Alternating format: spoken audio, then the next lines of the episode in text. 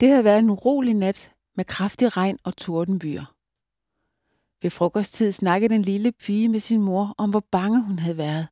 Hun spurgte, hvad lavede Gud, siden det tordnede så voldsomt? Med stor visdom svarede moren. Gud var i færd med at skabe morgenen. Gud er optaget af millioner af opgaver. Blandt andet lader han hver dag solen stå op over både onde og gode. Han skaber nye morgener. Han våger over alle ting, og en ny morgen giver os på en måde en opstandelse til et nyt stykke liv. Profeten Hoseas siger sådan, når han tænker på Guds storhed og trofasthed. Lad os kende Herren. Lad os stræbe efter at kende ham. Han bryder frem så sikkert som morgenrøden. Han kommer til os som regnskyld, som forårsregn, det veder jorden.